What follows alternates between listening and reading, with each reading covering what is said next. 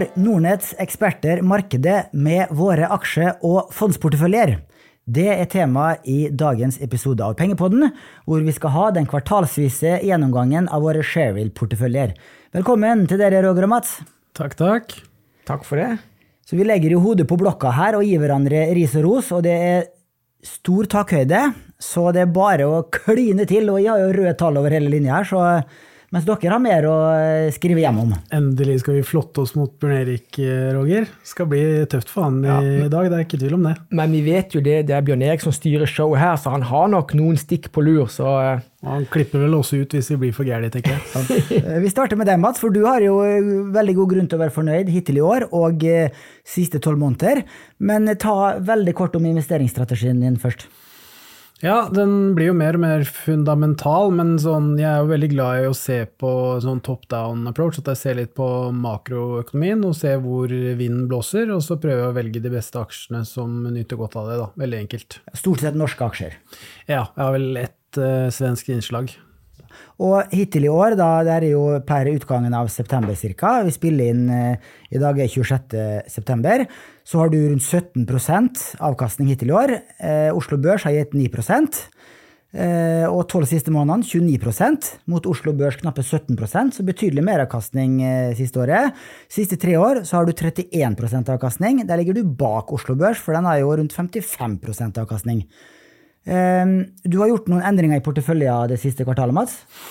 Ja, jeg har solgt dette eh, famøse indeksfondet mitt, Bjørn Erik, og forhåpentligvis gjort deg fornøyd. Ja, med- famøs indeksfond. Altså indeksfondet ditt har gjort det kjempebra. Ja, ja, ja, ja. har dratt opp avkastninga di, Mats. Absolutt, absolutt. Eh, men jeg har kvittet meg med det, og egentlig bare kjøpt uh, enkeltaksjer, så nå står det bare enkeltaksjer på den porteføljen. Og den største posisjonen er jo, som tidligere også, Movi. eh, og så har jeg kjøpt Aker BP.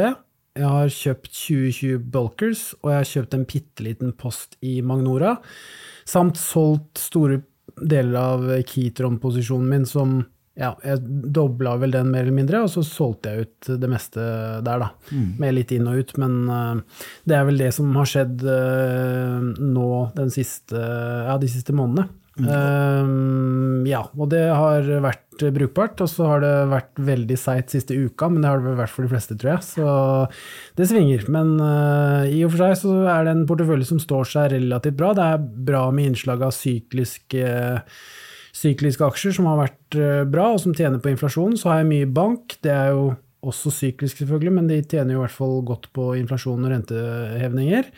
Og så er det faktisk eh, litt eiendom der òg, som jeg har begynt å kjøpe. Det er nok kanskje litt tidlig, men vi Ja, du har, du har nok svensk. Ja, stemmer. Noen logistikkgigant i Sverige. Veldig bra selskap, men de har jo selvfølgelig motvind som alle andre eiendomsaksjer i disse dager. Men vi får se. Det er, eh, det er satt en stopplås litt nedi lia der òg, så det kan hende at den ryker hvis eh, børsen oppfører seg sånn som den har gjort de siste par dagene.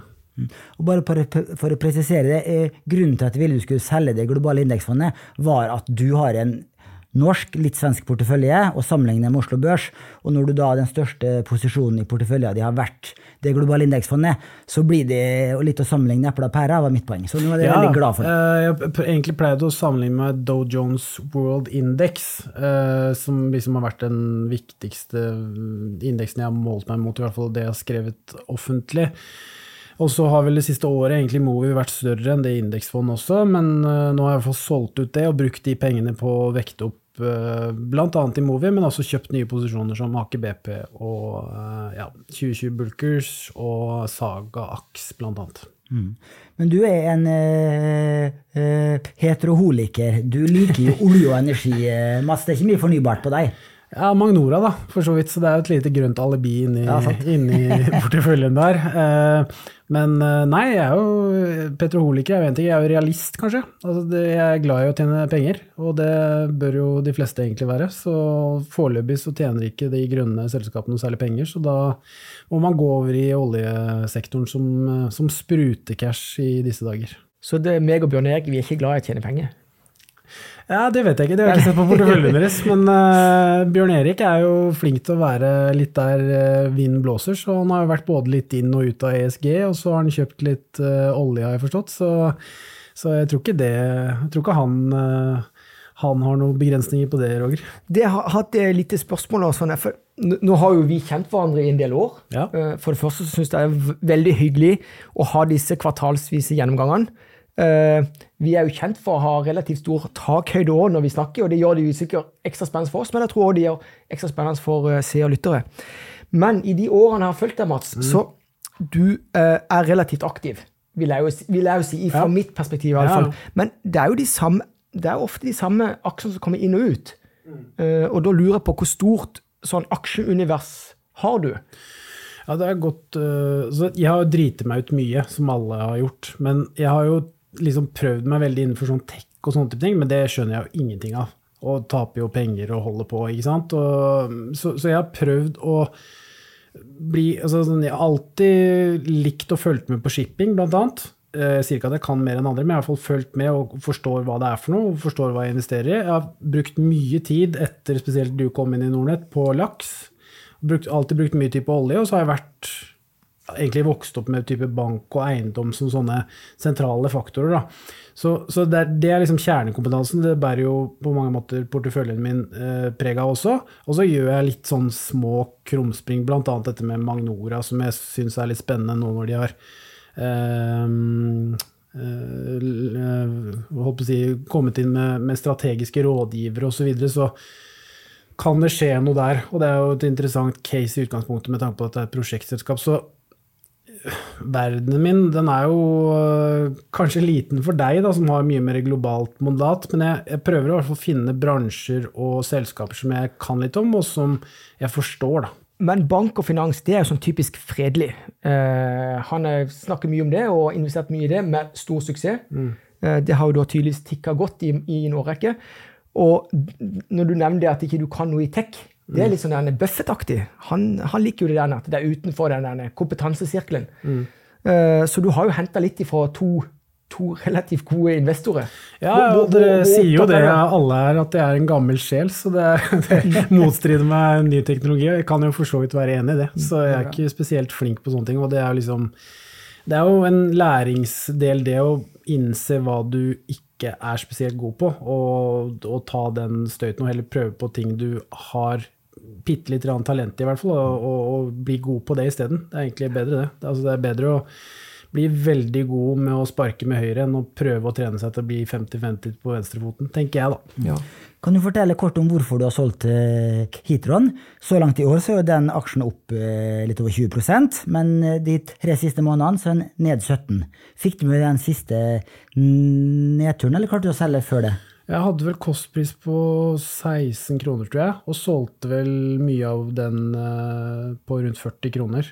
Og så kjøpte jeg litt tilbake igjen, og så solgte jeg. Så, sånn, I og for seg så har jeg vel dobla pengene der og solgt meg ut. Eh, og grunnen til det altså Det er jo et kjempebra selskap, og det er derfor jeg ikke klarer helt å kvitte meg med det, men jeg har en kall det ubetydelig posisjon, da, bare for å følge med. er jo at Selskapet er jo interessant, spennende, drives veldig bra men kanskje gått litt for mye, med tanke på at vi er jo inne i en lavkonjunktur. Det er et industriselskap som er avhengig av vekst i verden og, globale ordre osv. Så, videre, så det var derfor jeg liksom valgte å redusere eksponeringen mot det selskapet, og heller gå på selskaper som fortsatt viser eh, brukbar vekst. da. Mm. Eh, er vel en av eh, vinneraksjene som, eh, som Egil Dahl og eh, kompani sitter på. Det er jo kjent gjennom Finansavisen. Han har vært her i podden og fortalt om det også. Ja. Sitter de fortsatt, eller har de også solgt seg ut? vet du det?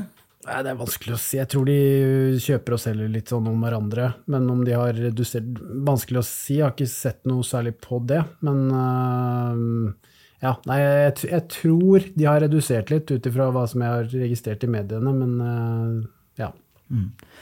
Eh, har du noe mer å si før vi går videre til eh, min begredelige fondsportfølge? Nei, det er jo bare at jeg fortsatt er langt bak på tre års sikt, men jeg håper jo at øh, tiden framover med relativt bra aksjer som uh, gilder bra, og for så vidt tjener gode penger, så håper jeg at jeg sakte, men sikkert kan begynne å ta innpå da, og begynne å nærme meg indeks på et par-tre år, i hvert fall. Men det er vel matematikk, det, Mats. Altså, tar du tida til hjelp, så er det jo dagens performance som kommer til å etablere seg i treårsstatistikken. Ja da, ja da. Så, så det, du, du har vind i seilene, for å si det rett ut. Ja da, ja da, absolutt. Og så er det det derre som et læringspunkt for alle, egentlig. Da, at du, du, trenger ikke å kunne så innmari mye, eller prøve å rekke over så mye. Prøve å bli god på å få ting som du syns er interessant eller gøy, eller noe, så holder jo det massevis. Du ser jo på din store helt. Altså, det er jo ikke, han har jo et begrensa felt, han også, men han er jævlig god på eh, enkelte ting, og da blir du en av verdens rikeste menn. Da. Ja da, til syvende og sist i det Buffett-sfæren så er det egentlig fire grunnpilarer, altså fire hovedinvesteringer som egentlig drar hele lasset. Og Berkshire-aksjen den er faktisk i all time high, den. Ja, det er det. Så det er bare å bli 93 år, nærme seg 100, som Charlie Munger gjør, og så, så, blir det suksess. Og det er jo litt av trikset i aksjemarkedet. Rentes renteeffekten. Mm. Bruk huet, lær av de beste, og ta tida til hjelp. Mm. Vi har sagt det før, Roger, det er ikke så kult å kjøre sportsbil når du er pensjonist. Nei, det er det. Nei, men det vet, vet du hva? Så lenge jeg er venn med deg, Bjørn Erik, så kan jeg si det på en sportsbil. Ja. du blir litt sjøsjuk, riktignok, men det ja, ja. Da er det min portefølje.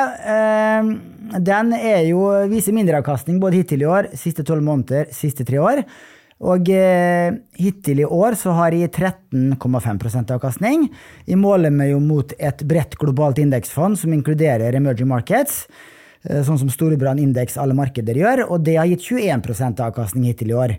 Siste tolv måneder ligger på knappe 15% mot et globalt indeksfond 20% Siste tre år 31 eh, avkastning mot 44 globale indeksfondet. Så her er det jeg, må si, jeg er litt flau. Så jeg er i hvert fall et levende bevis på at det er vanskelig å slå et globalt indeksfond. Særlig da når, når ja, den største regionen, øh, øh, USA, har gjort det veldig bra over mange år. De største selskapene i verden, som utgjør 10-20% av et globalt indeksfond, det er jo Apple, Microsoft, eh, Google, Amazon, Nvidia, Facebook og Tesla.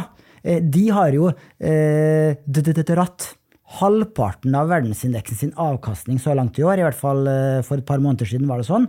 Og hvis du da beveger deg Nesten alt du kjøper i fondsuniverset, som ikke er et globalt indeksfond, det taper da mot et globalt indeksfond i slike spesielle markeder. Så faktisk alle mine andre fond på lista, de har lavere avkastning siste tolv måneder enn det globale indeksfondet. Og det skal nesten vanskelig gjøres.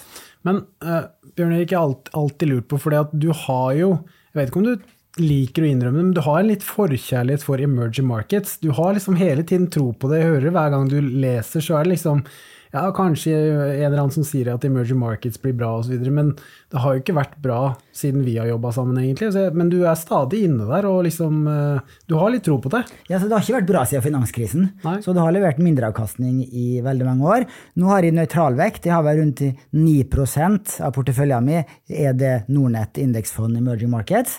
Eh, og da jeg starta her for fem-seks år siden, så hadde de overvekt i emerging markets, for da var jeg enig med Skagenfondet at nå har det gått i motbakke så lenge at nå er det uh, uh, tid for en uh, mean reversion for uh, emerging markets, og det har Skagenfondet sagt nå i ti år, og det har ikke skjedd enda. Og nå med Kina, som nå sakker litt akterut med økonomisk vekst, med proteksjonisme, Eh, så ser jeg heller ikke noen gode argumenter for å ha overvekt i emerging markets. Men Bjørn Erik, vi håper jo og tror litt på at India ja. kan bli en større spiller.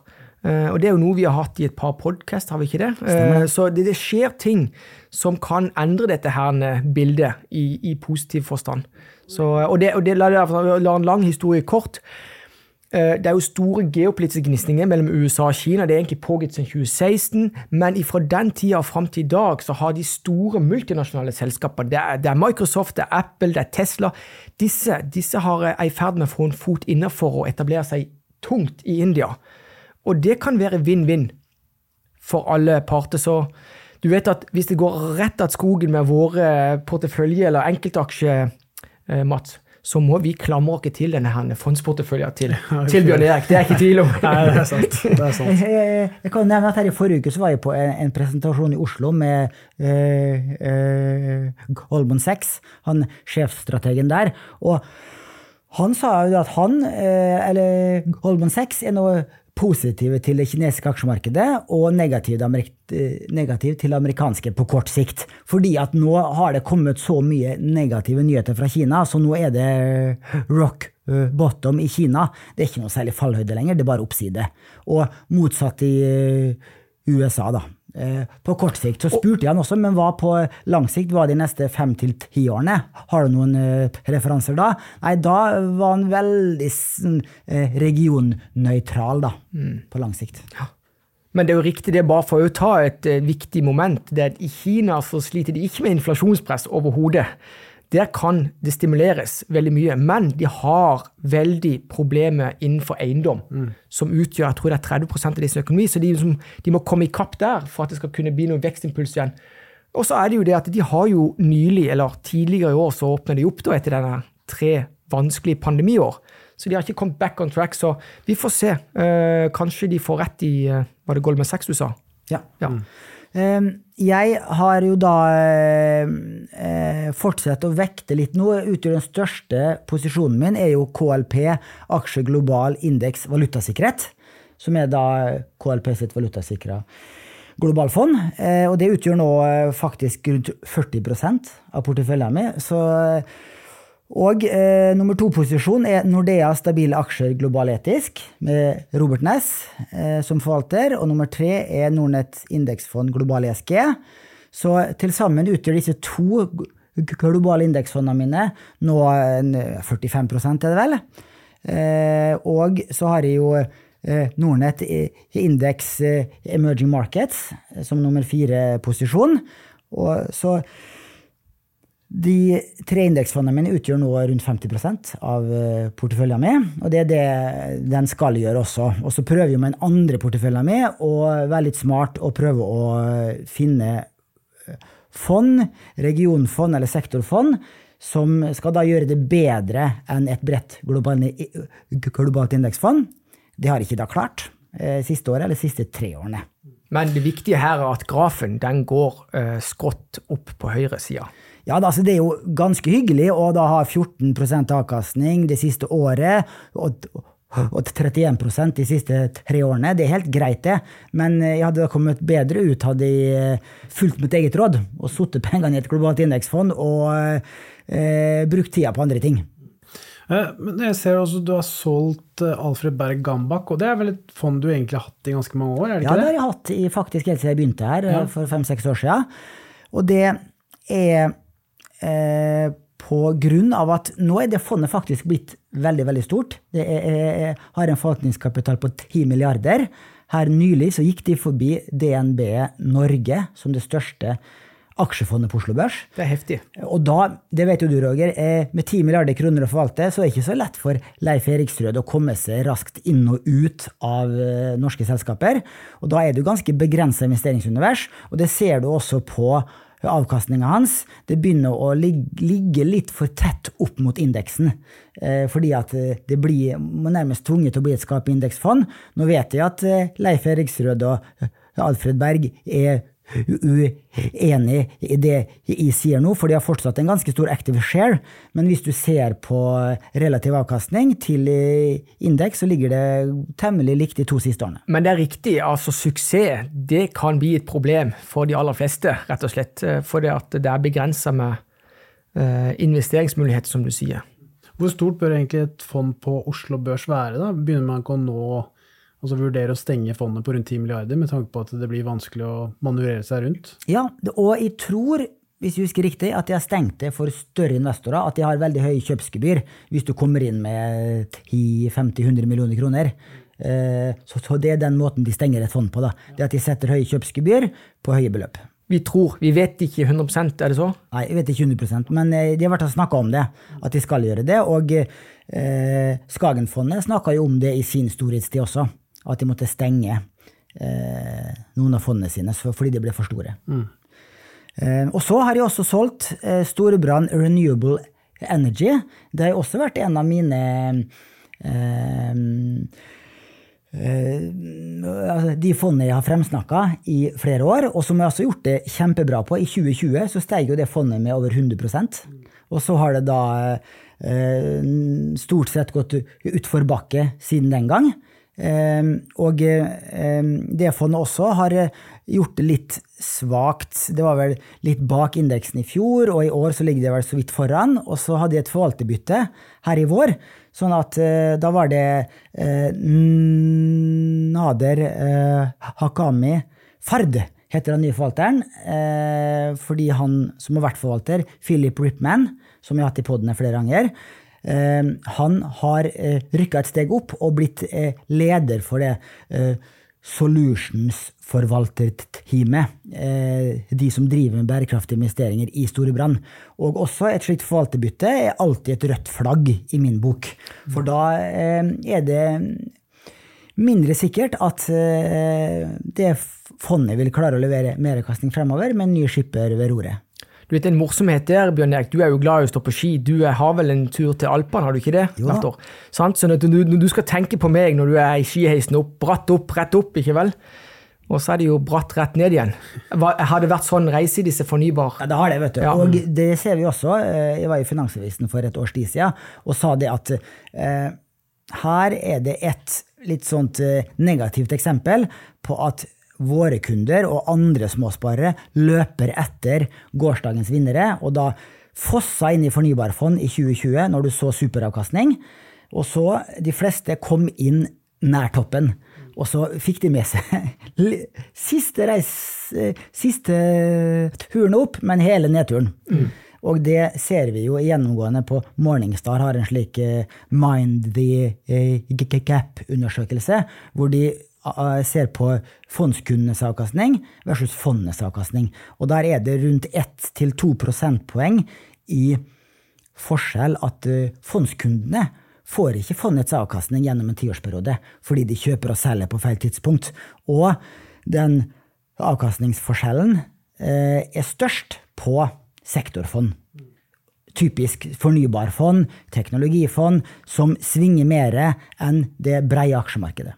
Det er jo en lissepasning til visdomsordene fra min store helt. Det er jo det 'be greedy when others are fearful', og så motsatt 'be fearful when others are greedy'. Så det var litt sånn grådighetskultur kanskje som, som tok denne grønne bølga på i 2020? 2021? Ja, ja så ble jeg også litt sånn uh, paff når jeg hørte Det var en av de forvalterne, om det var i Storebrand Renewable, eller det var et annet renewable-fond, som hadde Sales-pitchen hans var offentlig støtte. altså Det var ikke noe interessant i selskapene og hva de drev med, og sånn, det var liksom hvor mye penger som EU og alle disse veldedige eller disse koblene av organisasjoner skulle pøse inn i dette. her. Da. Så Det er jo klart, det heller er jo ikke bra, når du begynner å snakke om at du er avhengig av en ekstern eh, innskudd av penger for at uh, ting skal være bra. Du må jo være lønnsomme selskaper. Men nå vil jeg bare skyte inn en ting. Altså, verden, altså Vi lever for å gjøre verden et hakk bedre enn i går. Eh, du er jo, som vi var inne på i starten, altså du liker olje og gass og hele det der. Men oppriktig så har vi nødt til å kommentere kapital. Uh, dit hen det kanskje er litt ulønnsomt på kort sikt, og så, og så blir det vinn-vinn for alle litt lenger fram i tid. Jo da, absolutt. Men det er jo klart, det er jo begrensninger på alt med hva som skjer, kanskje. At det går kanskje litt for raskt, litt for fort. da. Og at man skulle tatt en fot i bakken og kanskje vurdert en sånn mellomting, tror jeg hadde vært bra. Da, for sånn som det ser ut fra politisk stand nå, så er det jo liksom en sånn ordentlig sånn korstog mot å liksom nedlegge all olje og holde på. Da. Det tror jeg ikke er en riktig vei å gå. Nei, da, eh, altså eh, eh, det fondet har jo vært mitt grønne alibi i porteføljen også. Men nå eh, derimot går de helt i motsatt retning. Nå har de kjøpt noe skikkelig anti-ESG. For nå er de pengene som jeg, som jeg fikk da jeg solgte Storbrann Renewable Energy, det satte jeg inn i Van Eck eh, Defense ETF. Altså en forsvarsaksjefond som kjøper forsvarsaksjer.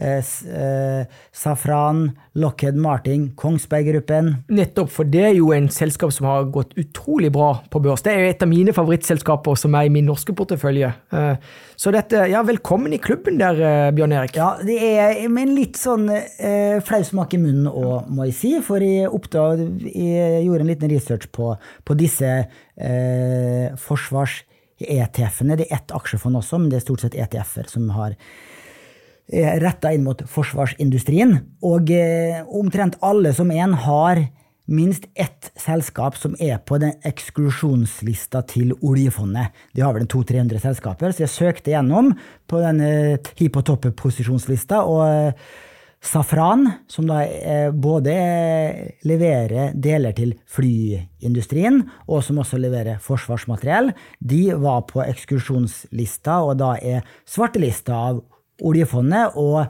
også da svartelista av omtrent alle nordiske fondsforvaltere. Samme er Lockhead Martin. Eh, og på grunn av at de produserer kjernevåpen som en liten del av virksomheten sin, og det er ikke riktig, da, ifølge en del internasjonale konvensjoner. Det er vel ikke ulovlig å eh, produsere det, men det er noen internasjonale konvensjoner som sier at du ikke skal gjøre det.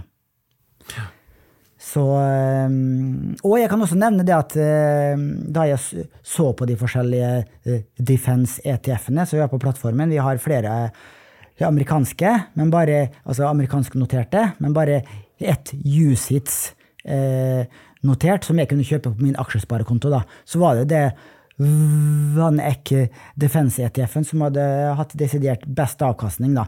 Nå har ikke det fondet, eller den ETF-en, mer enn eh, tre-fire-fem måneders historikk, så det er ganske nyoppstarta. Men eh, den historikken så langt er i hvert fall eh, bra, og den indeksen det følger, har gjort det bra. Men kjenner jeg deg rett, Bjørn Erik, så, eh, så, gråter du ikke hvis krigen i Ukraina er over og den defense-ETF-en går i kjelleren. Det vil jo egentlig være en veldig god ting. Det vil være en god ting, for da vil resten av eh, porteføljen min stige. Så det er ingenting jeg håper på mer enn det. Og så må jeg jo si det at um, ja, Nordnett sine internasjonale Indeksfond er jo ESG-screena, så de vil jo ikke investere i slike selskaper, f.eks. Men eh, til mitt forsvar, da, og til forsvarsindustrien sitt forsvar, så er det jo viktig Vi trenger en forsvarsindustri for å bevare sikkerhet og fred i verden.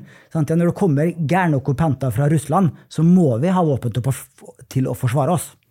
Ja da, så det er viktig, det er viktig å være som eh, balansert når en, når en uttaler seg på, om temaet. En siste ting jeg kan nevne, det er at eh, jeg har da økt litt valutasikringsveddemålet mitt, for nå er jo dollaren nær, to, nær 11 kroner igjen. Så da jeg gjorde det fondsbyttet her for noen dager siden, så, så vekta jeg meg også litt opp i det KLP valutasikra globale indeksfondet, for jeg tenker fortsatt at det er et greit veddemål at krona skal styrke seg på ett til to års sikt. Og så er det i tråd med hva du har tidligere uttalt. Absolutt. Jeg gjorde jo det første veddemålet for litt over et år siden, da jeg begynte å valutasikre. Og da tok jeg 25 valutasikringsgrad, og nå, og nå, er jeg oppe i da eh, knappe 40% valutasikring på porteføljen min. Så det, det er litt eh, artig å prøve å slå markedet med å og, gjøre et valutaveddemål. Og så kan vi jo, jeg er nødt til å skyte inn det bare for at uh, vi skal holde vår sti rein. Du har jo uttalt i uh, media at valutasikring er ikke noe en skal tenke på. Nei, folk flest bør ikke bry seg om det. Fortsett eh, din langsiktige spareplan, som da kanskje er å spare eh, månedlig i et globalt indeksfond. Fortsett med det. Drit i om det er valutasikra eller ikke. Da, Roger, da er det din eh, portefølje. Du har jo tre porteføljer. Her, for de som følger oss på YouTube, så er jo det her din eh, norske portefølje. Den har litt røde tall her, dvs. Si at du har hatt mindreavkastning.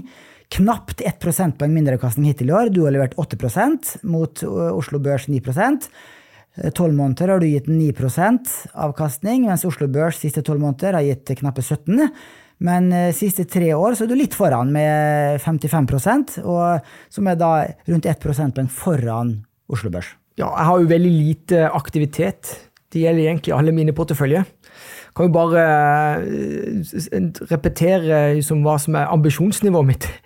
Jeg er jo en forvalter av natur. Jeg går i Warren Buffetts fotspor og jeg har et, et drøm og ønske om å få et globalt mandat eh, som jeg kan forvalte. Eh, og som eh, våre kunder, alle som vil investere i. Så eh, lenger fram i tid Du har jo vært knallhard på meg. Kan du ikke samle disse porteføljene?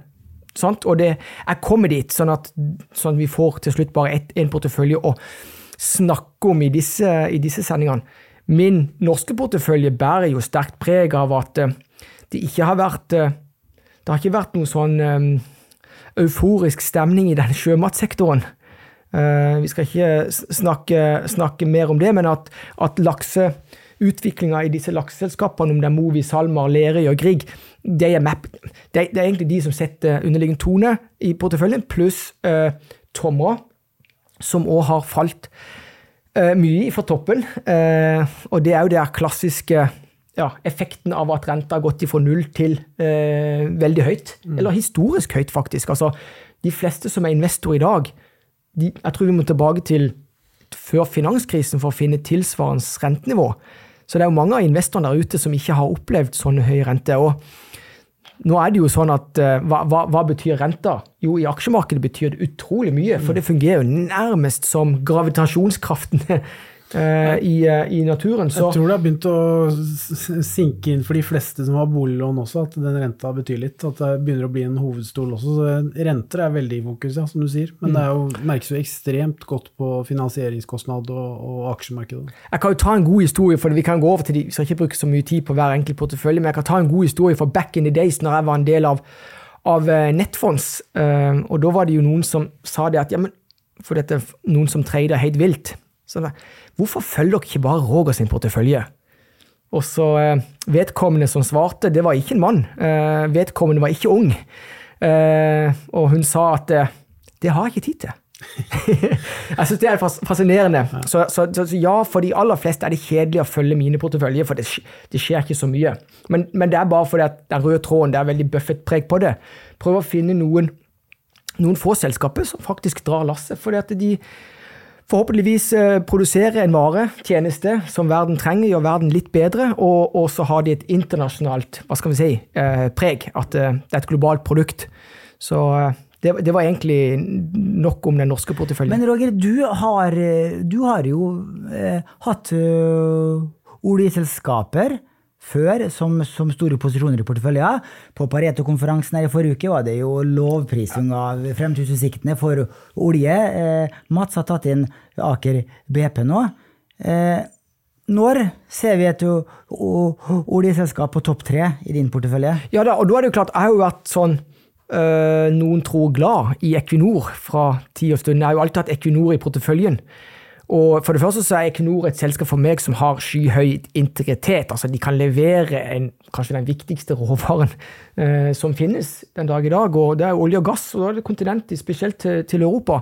Så Equinor forsvant jo ut. når som, Dere husker når, når krigen brøt ut i der, så steg oljeprisen til 120 20, 30, 40. Og, da, vil jeg bare si at da gikk jo Equinor ut, og det var jo den største enkeltposisjonen.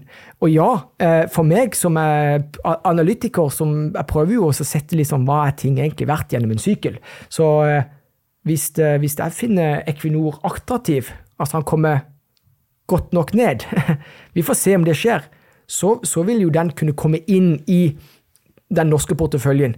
Uh, ja, ja, så, sånn sett timing-wise, for å forsvare at du ikke har olje nå, da, Roger, jo, så gjorde, tima du det ganske bra. Du solgte jo Equinor i nærheten av toppen, og mest sannsynlig Aker BP også. Og så har det jo ikke vært noe Jeg kjøpte jo Aker BP etter at den hadde falt 10-15% så langt i år, og så har det steget brukbart nå i siste tiden, da, i takt med oljeprisen som steg kraftig, det er 30 siden sommeren, tror jeg. Så, så, sånn sett så har du gjort det bra, da, med tanke på at du tima en sånn rundt omkring toppen, og så har du ligget unna olje så langt i år. og så får man jo se hvordan det utvikler seg framover. Selvfølgelig, det er jo svakere etterspørsel, men det er kanskje enda svakere tilbud, fordi OPEC og, og Saudi-Arabia i spissen har, har skrenka inn tilbudet. Og, men igjen, du understøtter med litt svakere økonomi. Så det er jo, det er jo et ruglete marked der også, som svinger mye. Og nå har vi hatt et voldsomt bullrun. Og så er vi kanskje på vei ned igjen litt nå, jeg vet ikke. Så det er liksom, ting skjer jo. Så, så, sånn sett så skal du ha skryt for god timing, da. Ja da, jeg tror Equinor gikk jo eh, Jeg solgte rundt 300, jeg tror han gikk til 400 nesten. I etter jeg solgte, for eh, er det et år tilbake. Og så har han vel svingt mellom 350 og 270, tror jeg, i den perioden. Eh, men ja, det er inflasjonspress i økonomien, og det er jo noe som typisk favoriserer disse sensykliske eh, industriene, sånn som olje, olje, og gass er. Spørsmålet er om, som en må stille seg, blir det en myk landing eller hard landing? Blir det resesjon i USA eller ikke? Eller blir det myk landing? Og sentralbanken i eh, USA Uh, Jerome Powell, som er Fed-sjef, han uh, har jo sagt sin personlige mening når han har vært på talerstolen i forbindelse med rentemøtet. Han tror det blir en myk landing. Uh, og det vi så får være egentlig godt nytt for oljeselskaper nå. Men da vil jeg tilbake til det du sa, Bjørn Erik. Altså, hvis det er en del ting av disse geopolitiske spenningene som gir seg, så kan vi få litt fuel eller aktivitet i markedet generelt. Og da er det ikke sikkert at disse her selskapene som vi skal komme inn på her, som er i min amerikanske portefølje, altså sånn som Nvidia, de som er veldig høyt priser, som har litt sånn derne, De går nærmest, motsatt av det resten av aksjemarkedet gjør. Da er det ikke sikkert at de klarer seg så, så bra. Så vi, vi, får se. Fed, bare for å ta den historien. Fed priser, eller Feds rentebane den tilsier at i 2026 så skal renta i USA halveres. Uh, og det er jo greit å ha i bakhodet. Eh, sånn som, bare for å skyte inn, Roger, sånn som det ser ut nå, så ser jo i hvert fall amerikansk inflasjon ut til å falle.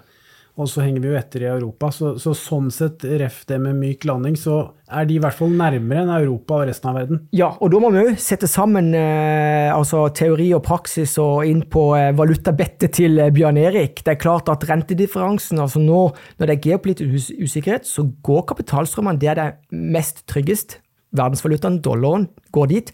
Hvis det skulle gi seg, så vil det lette trykket eh, på disse små eh, Eller bli mer attraktivt for de små valutaene.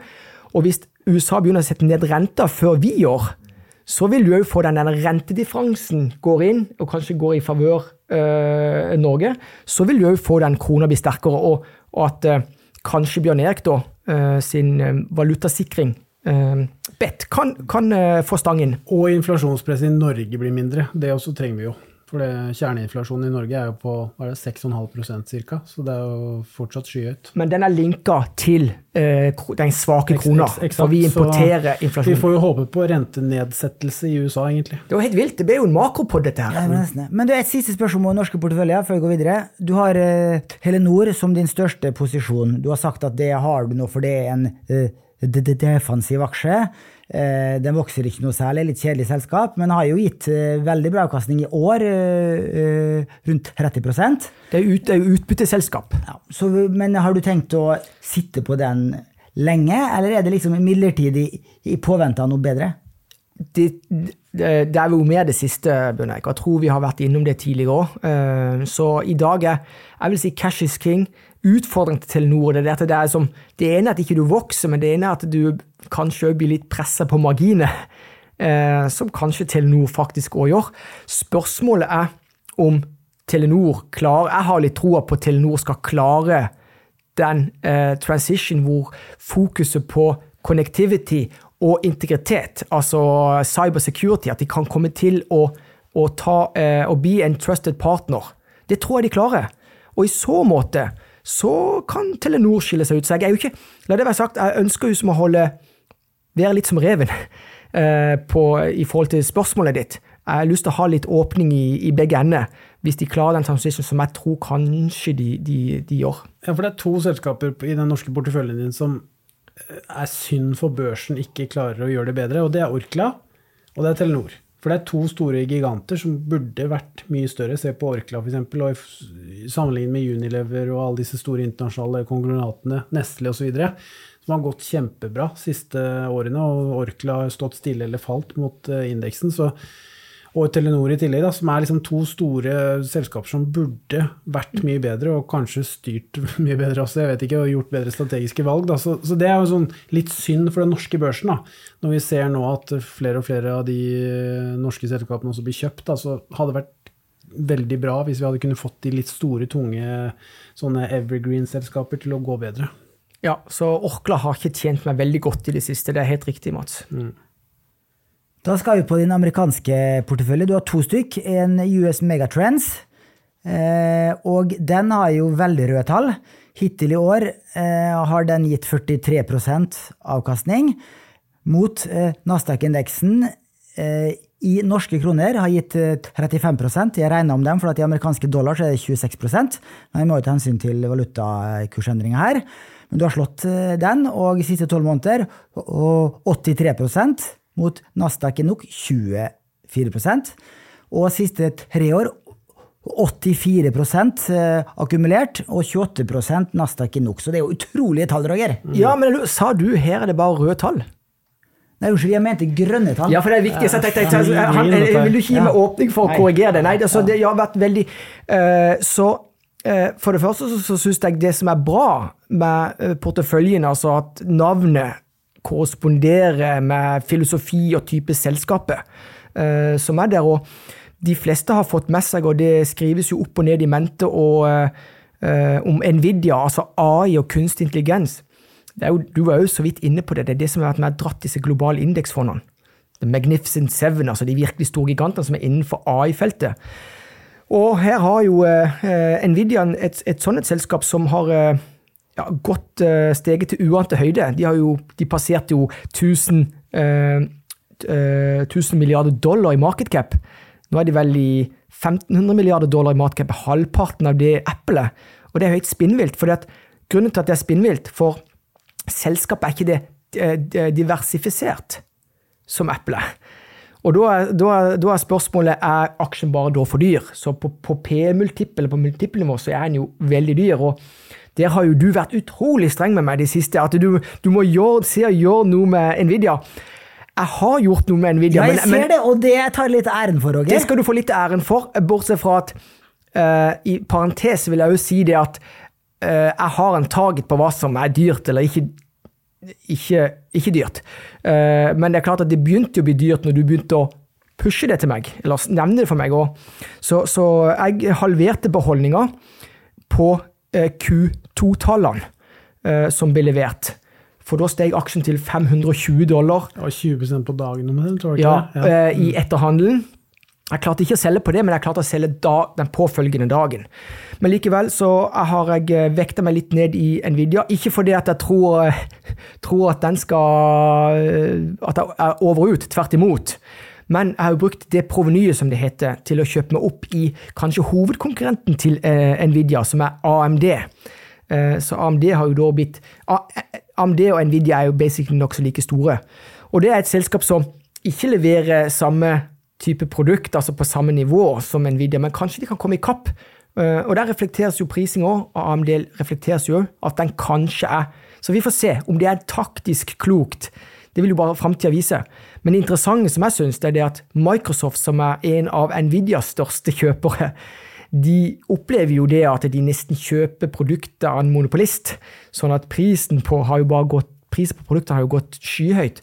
Og de er jo, har jo da interesse av å hjelpe til å bidra til konkurranse i dette space eller dette industrien, og kanskje AMD er en av de. Vi får se.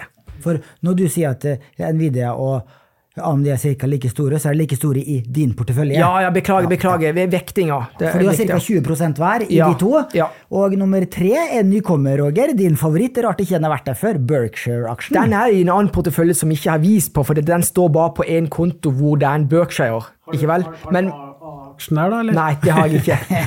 Det har jeg ikke. Men, men iallfall, nå har den kommet opp i den, den, den uh, megatrendporteføljen. Det som er kjennetegnet med med Buffett eller Berkshire, det var jo det òg, bare for å trekke til det vi snakket innledningsvis. Berkshire-aksjen er i all time high. Mm, tør vi kjøpe den da?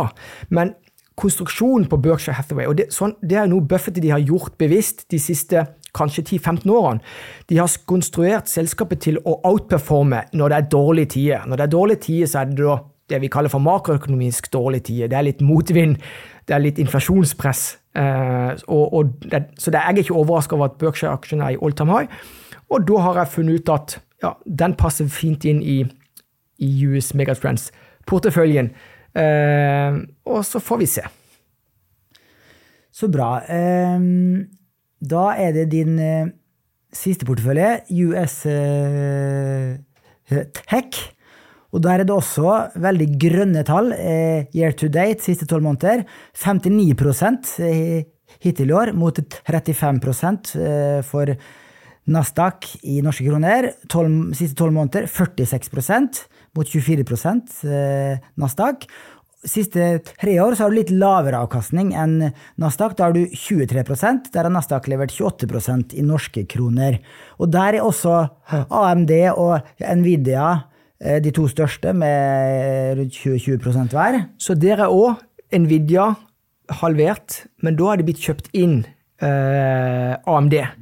Men også er det jo det som tynger den porteføljen i det siste, det er jo et selskap eh, som jeg har hatt langsiktig tro på, og har det fremdeles. Det er Enface Energy. Den har kommet kraftig ned. Eh, og Apple har jo òg Apple vokser jo ikke lenger, eh, men de har jo veldig høye marginer, eh, som da blir brukt til eh, tilbakekjøp av aksjer. Sånn at det er litt mer, mer motvind i, i, i, den porteføljen. Så, men ja. Men så Roger, ut ifra de voldsomme avkastningstallene her, så er det ikke lenge før du kan slutte å jobbe og starte ditt eget Berkshire Hathaway. Hvis det er for 60% i året framover, så er det jo bare å men, bruke hvor, egne Hvor kult hadde ikke det vært, ikke vel?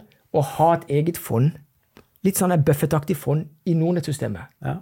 Jo, jo, jo. Jeg, så vi får se. Ja. får jeg sitte som en sånn plagsom uh, lillebror på sida og, vet, vet, for, forkludre deg med masse andre typer aksjer? Da, du vet, det, det, Hemmeligheten med livet det er jo å finne, uh, uh, finne en plass hvor du trives. jeg vil jo si det at stemninga når jeg jobbet i Nettfonds i 14 år, var skyhøy god. Men den er tilsvarende skyhøy god i Nordnett. Uh, og, og, for meg handler det om Jeg har stor glede av å utvikle meg. Bidra til å utvikle businessen, altså Nordnett. Og selvfølgelig bidra til at folk lærer mest mulig om børs og finans, sånn at de kan være med på å ta verdiskapninga på kloden gjennom investeringene sine. Så uh, for mitt vedkommende så er jeg på rett plass. Eh, så, så, det er en veldig enkelt svar på det. Sant. Eh, du nevnte at det selskapet som har dratt ned avkastninga det var Enphase Energy. Og det er jo et av, et, av, de største posisjonene i Storbrann Renewable Energy og andre fornybarfond. For det er jo en uh, produsent av disse inverterne til solcellepanel. Og den aksjen er jo ned 55 uh, year to date. Ehm, du har ikke noe stopplås eh, på disse aksjene dine? Nei, så jeg opererer. Jeg har aldri solgt et selskap på stopplås. Eh, og det skyldes jo fordi at det er jo filosofien. Altså, det er jo bare for å gå litt i arbeidsmetodikk. Eh, jeg har lært meg, lagd et system for meg sjøl hvor jeg bruker ett kvarter røftlig på hvert av selskapene i universet, så bare litt over 4000 selskaper. Så jeg liker har en, en, en, grov idé om hvert selskap eh, på kloden. I alle fall som er børsnotert, som er litt sånn fornuftig å, å se på. Istedenfor å få superdetaljkunnskap om det enkelte selskapet. Så det er bare Jeg har funnet min stil, og den stilen er helt oppriktig, den er definert av eh, filosofien til Buffett uh, som han hadde i 20-årene, og har egentlig perfeksjonert til den dag i dag. Og jeg, jeg, ja, og jeg, i effektivitetens navn, bruker fem minutter fordi at jeg hører fra deg. Så det er i, i din ånd, Roger, med effektiv jobbing. Så, ja, ja, så bra. Det høres veldig overfladisk ut. Da. Hvis du skal bruke et kvarter på hvert selskap. Eh, du, du, du, klarer ikke å få med det hvis det skjer en negativ utvikling i selskapet eh, da nødvendigvis, når du bruker så lite tid. Nei, så jeg har metodikk, så dette er fast system. Jeg er jo en sånn systembygger. Prøve å bygge struktur. Det betyr at lage en sånn setting som er klar å repetere dette. Og apropos et kvarter, men det er jo bare gang opp hvor mange år det er. Det er jo som jeg er inne i snart i mitt 20. år hvor jeg har gjort dette. Så dette her er jo ikke, dette her er jo ikke for gøy. Altså ambisjonen, hvis jeg ønsker, hvis min ambisjon er å forvalte eller bygge et fond som er sånn Buffett-preg på, så må du jo starte i ung alder. Og det er jo vårt, vårt mantra til de unge som kom inn som kunde her. Begynn tidlig, prøv og feil, lag et system, bygg en struktur. Stå opp. Sant? Nå står jeg opp klokka fem hver bit i dag. Noen, noen mener jo at det er helt voldsomt, men for meg så er den herlig. Fordi at jeg har klart å gjort så mange ganger, og da, da svever du litt. Men er det ikke en svakhet nå skal jeg være litt djevelens advokat, er det ikke en svakhet med ditt system at du har altfor mange selskaper å følge med på? Hvis du sier du følger med på 4000 selskaper. Da klarer du ikke å fange opp hvis et selskap som Enphase Energy har rapportert om, eh, eh, min, om færre bestillinger, at subsidieringa i Portugal forsvinner, slik som Ottovo eh, opplevde f.eks. Det er ikke en svakhet med Nei, det er helt rett, det er et godt poeng. Sant? Så det, du må jo av, det er jo fordel og ulempe med alle typer system. Sant? Så du må finne noe som passer deg. Men måten jeg opererer på, så er det ikke, det er ikke trading, dette her. Altså, det, er, så- det går så i slow motion. Ja, Men det vel passer, det, det er passer, passer min ja. eh, stil. Og så kan Ja, beklager, jeg ble engasjert. Men, eh, men vektinga tilsvarer vel også tidsbruk, for du bruker jo mer tid på Apple enn eh, enn en Face, vil jeg anta. Nei, jeg gjør ikke det. 15 minutter. Dette her er knallhard prioritering, Mats. Men det som kjennetegner, det er jo det at det er store, tunge selskaper. De er enten nummer én eller nummer to-spiller på sitt felt, og det globale produkter de leverer. Det gjør at vi slipper å tenke på det mantraet til, eh, til eh, Øystein Stray Spetalen, som òg har funnet sin nisje og utøver den på en eh, perfekt, perfekt måte. Han sier jo alle selskaper går null. Ja, det er jo for så vidt rett, men han er sjelden involvert i de store tunge. Han prøver å være litt mindre selskap, ikke vel? Hvor, hvor du kan få store kursutslag på kort sikt. Så, så det er en rød tråd. Så hvis jeg i framtida, Bjørn Erik, får en portefølje, en portefølje som kanskje er drømmen, hvor det er 40-50 selskaper, så trenger vi bare egentlig å snakke om de topp 10-selskapene, for de vil utgjøre så mye, og de er så store. Hvis jeg kan tilføye, så tror jeg han sa faktisk Spedtalen også, han sa vel at eh, alle selskaper går enten i null eller 1000. Og det, er- da- blir det enda okay. bedre. Ja, Ja. Men, eh, men det er tilbake til Men- de store, men- tunge vinnerne. Men det jeg vil fram til at å finne sin nisje Du har også funnet din nisje, sant? så ditt system, Bjørn Erik, altså du har to års tålmodighet med en fondsforvalter, og så er det rett ut. Sant? Det er fordeler og ulemper med det. det er, fordelen er det at du slipper å forelske deg i noen. Ikke vel? Du stiller strenge krav til. Skulle nesten tro at du er som Det har jo vært mye avisskriveri om disse her store, tunge investorene, om det er om det er eh, John Fredriksen eller noe sånt, om de skal hente de får fyken, disse forvalterne. Du er litt sånn, den, eh, du er litt sånn eh, John Fredriksen-style på eh, fondsselekteringer. Men i, Og ja, gir det ikke en skyllebøtte på veien uti, da? Sånn som Fredriksen og Røkke og de er kjent for? jeg er ikke sikker han gjør det. Men det er en annen ting, og vi har jo lært, i, vi har jo lært i denne, vi podden nå, det er det at eh, Mats, ja, du bruker mer tid på enkeltselskaper, men din sfære er jo mye mindre òg, da. Ja, ja, ja. Men sånn er jeg jo som menneske òg, Roger. Jeg har jo mine ting som jeg bruker mye tid på. Det som er herlig, dette blir jo en sånn filosofisk avslutning. Og det er, det er ingenting som er bedre. Er det det? For å skyte inn på det forvalterdiskusjonen. Du er veldig flink Bjørn Erik, på å eh, gi altså si ifra hvis eh, du mener enkelte fond har gjort det dårlig, eller hvis det er for dyre da, når de er hos deg eller vi er på presentasjoner osv. Så, videre. så der skal du, du er litt sånn mini-Fredriksen eller mini-Røkke på det, da, i hvert fall. Ja, sant. Jeg har gitt Sissener inn fordi at han tar seg godt betalt i det Ja, Sissener ja, ja. Canopus-fondet. Det er bra, det. Det er viktig. Folk trenger å høre det. Ja, ja. Og de tåler å høre det, og de er godt betalt, så de, de tåler å få litt kritikk så lenge det er berettiga. Kan det være noe med dialekt nå her? Altså, Hvor er du egentlig kommet fra, Bjørn Erik? Nei, det er bare tull. Du veit, vi romsdalinger, vi eh, tør å si fra. ja, det er bra, det. Så eh, jeg, jeg sparker ikke i bruskassa på Molde stadion og forstuer foten, sånn som Kjell Inge gjorde en gang da Molde tapte. Ja. Da sier vi takk for i dag. Takk til alle som hørte på og så på, så høres vi igjen om en uke.